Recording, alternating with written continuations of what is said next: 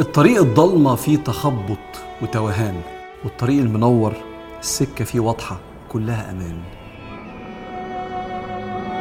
لأن النور بيبين كل شيء على حقيقته. قد جاءكم من الله نور وكتاب مبين. الكتاب القرآن والنور سيدنا محمد. بكل كلمة وفعل في قصة حياته كان نور خلانا نشوف حقيقة طريق ربنا حقيقة الدنيا والآخرة وحقيقة نفسنا. من غيره صلى الله عليه وسلم الدنيا ضلمة وفي الضلمة الشيطان قوي وشاطر. أما في نور سيدنا محمد مدد ربنا معاك والملائكة في صحبتك.